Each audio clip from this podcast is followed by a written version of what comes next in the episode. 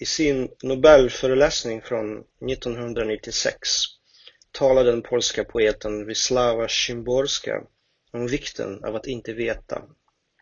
En kunskap som inte omedelbart leder till nya frågor är dömd att förtvina. Den sanna poeten, menar hon, måste utgå ifrån detta frågande, denna ovetskap, utifrån känslan av att han misstagit sig i föregående strof eller stycke. Poetens livsverk är resultatet av missnöjet med sig själv. Bara diktatorer, folkförledare och fanatiker vet att de vet. De dövas republik av Ilja Kaminski, född 1977 i Odessa, numera professor i poesi på Georgia Institute of Technology i USA, är en modern moralitet som på fri vers berättar om en fiktiv plats med allmänt östeuropeiska drag. Diktverket, utgivet av Ramus i översättning från engelska av Lars Gustav Andersson, består av två akter framförda av två olika berättarjag och sammanhållna av en kör som på korthuggen prosa tecknar avskalade, allegoriska scener och ger läsanvisningar. I den första akten invaderas den fiktiva orten som kallas Vasenka av soldater. En pojke blir skjuten. Berättarjaget Alfonso Barabinski uttrycker kärlek till sin hustru, och deras nyfödda barn. Hustrun grips, förevisas naken på torget medan soldater spottar henne i ögonen och skjuts sedan ihjäl. Alfonso driver omkring på gatorna, grips, hängs. Den andra akten kretsar kring Madame Mammagalja, en medelålders regimkritiker tillika föreståndare för en dockteater. Mamma Galja tar hand om spädbarnet som börjat gå. Dockspelarna utför oralsex på soldaterna och stryper dem därefter, en efter en. Även dockspelarna grips, liksom till sist mamma Galja. Moraliteten avslutas med en parallell till dagens amerikanska polisbrutalitet. Kaminskis dikt är lättillgänglig eftersom den saknar annan mening än den omedelbart utläsbara. Den kräver ingenting av läsaren utan kan i ordets grundläggande betydelse förbrukas. Diktverket använder sig av ett homogent vi, kören av samförstånd som berättar den sedelärande historien och anspelar på spänningen mellan tystnad, medskyldighet och skuld. Det är samma vi som talar rakt ut i verkets inledande programdikt. Citat. Vi levde lyckligt under kriget och när de bombade andra människors hus protesterade vi, men inte tillräckligt. Vi gjorde motstånd, men inte tillräckligt. Jag låg i min säng, kring min säng föll Amerika samman, det ena osynliga huset efter det andra. Slutcitat. En dikt kan knappast bli mer tydlig och platt än så här. Centralperspektivet kan heller knappast bli mer uttalat. Diktjagets säng kring vilken hela landet faller samman. Det är möjligt att Kaminski medvetet valt att begränsa sin estetiska arsenal i syfte att bättre få fram poängen. Överflödet av plattityder och klichéer ger emellertid upphov till en dyster hjälplöshet i läsarens möte med texten. Möjligen motsvarar denna uppgivenhet den usla allegoriska värld som dikten söker teckna. Här finns nämligen valv som öppnas och något som ligger i luften. Här finns kroppen som representant för kollektivt lidande. Citat, vi ser i Sonjas öppna mun en hel nations nakenhet. Slutcitat. Här finns metaforer som citat, jag gick i min rakstuga av tankar. Slutcitat. Här finns heterosexuell erotik med strofer som citat, jag såg dig glänsa i duschen och du höll dina bröst med din hand, två små explosioner. Slutcitat. I nästa stycke kliver kvinnan citat ut ur duschen och hela nationen tystnar. Slutcitat. Citat. Jag står på jorden i min pyjamas. Min penis pekar för år framöver åt ditt håll. Slutcitat. Pyjamas återkommer för övrigt flera gånger i texten. Det är en sorts kontrast mellan vardagsmys och grymhet som åsyftas. Men här finns inte bara en pekande penis utan också åkallan av Gud som ett förstärkande litterärt grepp. Citat. Måtte Gud ha ett foto på detta. Slutcitat. Här finns fristående dikter som citat. Vad är ett barn? Tystnaden mellan två bombräder.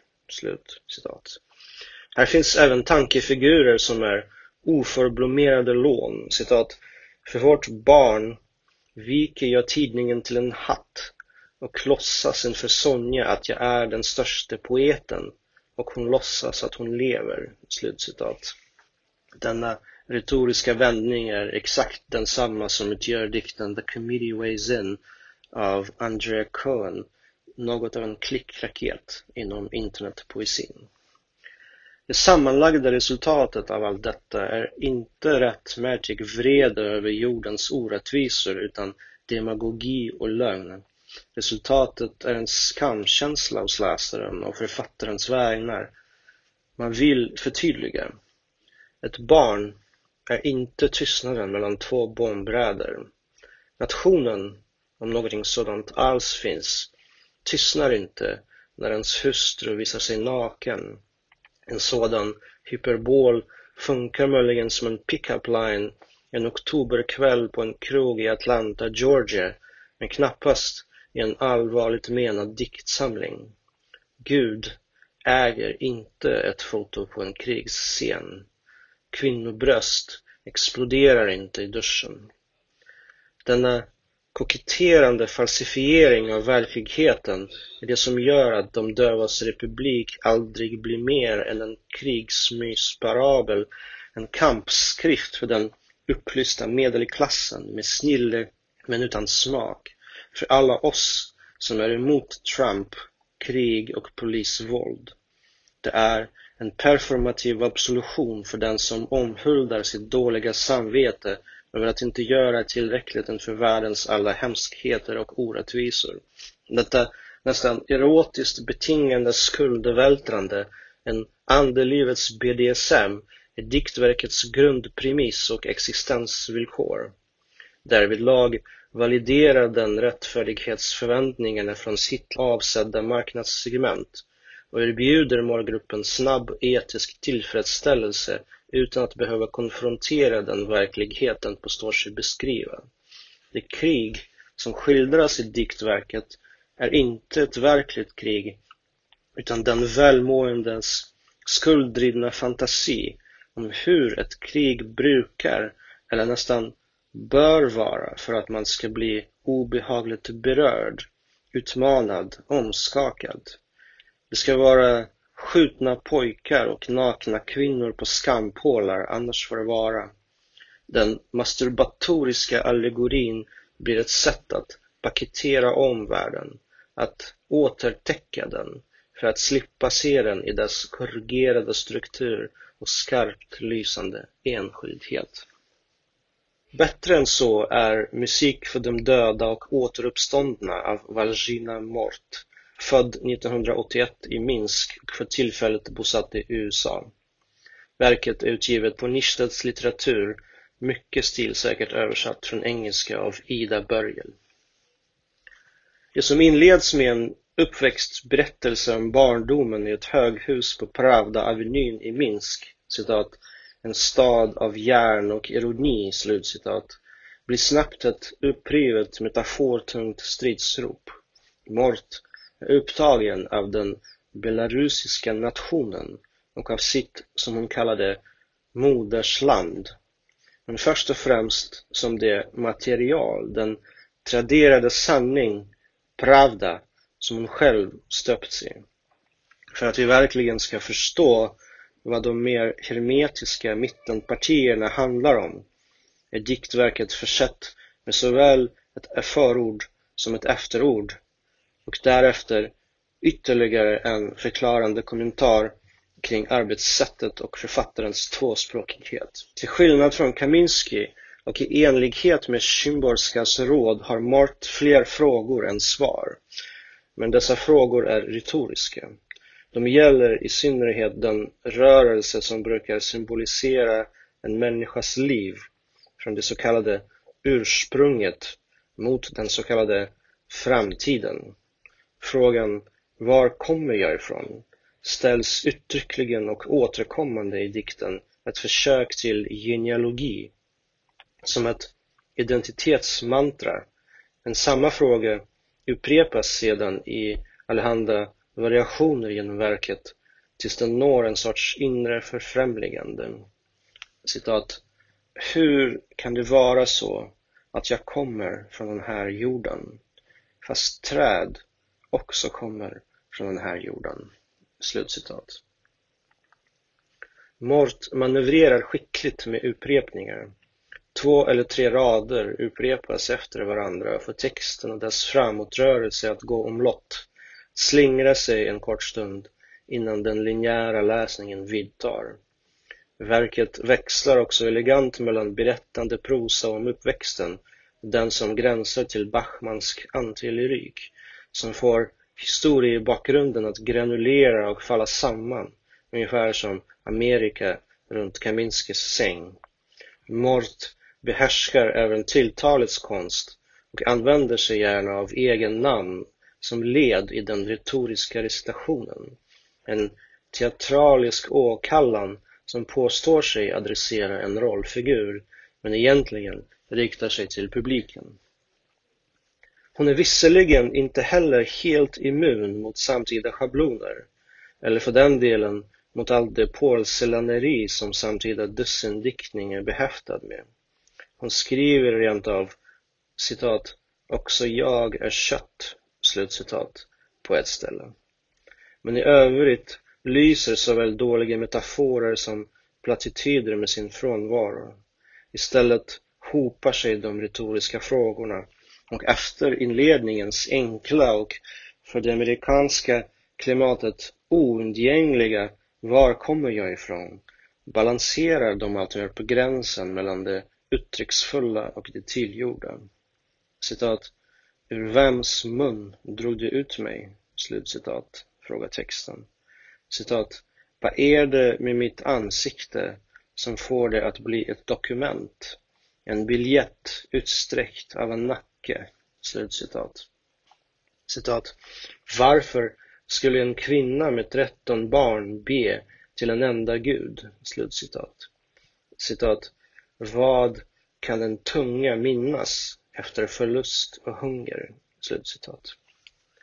Ja, frågar man sig, vad kan en tunga minnas efter förlust och hunger? Mort uppnår bäst effekt när hon gör sig av med ordens konventionella betydelse. När hon, som hon själv skriver i efterordet, överlämnar diktrösten åt citat, språkets potentialitet och dess talares maktlöshet. Slutcitat. I de mer berättande partierna, då världen återvänder till läsaren i all sin ondskefulla banalitet, blir också dikten svagare. Allra svagast är Morts egna reflektioner kring sin och andras poesi, som i den avslutande essän. Den påminner om Knausgårds försök att läsa Paul Celan i Min kamp. Här finns rent av direkta men oredovisade lån från den texten som när han skriver att man inte kan argumentera mot Selan citat, ”med ord”, slutcitat, vilket är exakt samma olyckliga formulering som Knausgård använder. Hur skulle man annars, kan man fråga sig, argumentera mot en dikt med knytnävar?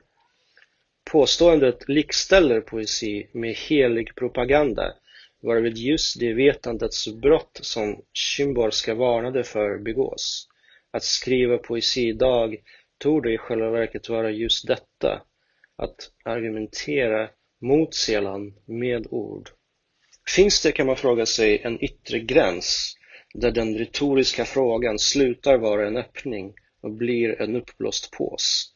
När slutar upprepningen att vara effektfull? kan dikten, om den skulle följa Szymborskas idé, bli alltför frågande. Den dikt som tror sig ha svaren är dömd att misslyckas, men även den som ställer alltför lösa frågor kan förvandla sig till en tom uppvisning. Mycket har hänt sedan Szymborskas tal med hennes samtida kollegor kände en viss motvilja inför att kalla sig poeter. Morts efterord har undertiteln Ansikte, ansikte, ansikte, en poet i spåren av förluster. Poeten är alltså hon själv. Varken Mort eller Kaminski tycks ha problem med att tala för ett vi, amerikanskt eller belarusiskt, med att bruka genitiv när de talar om sitt land, med att använda andras lidande som poetiskt byggmaterial, med eller mot vilket man alltså inte kan argumentera med ord. Det finns inga professorer i poesi, konstaterade Szymborska i sitt tal 1996. Där hade hon fel.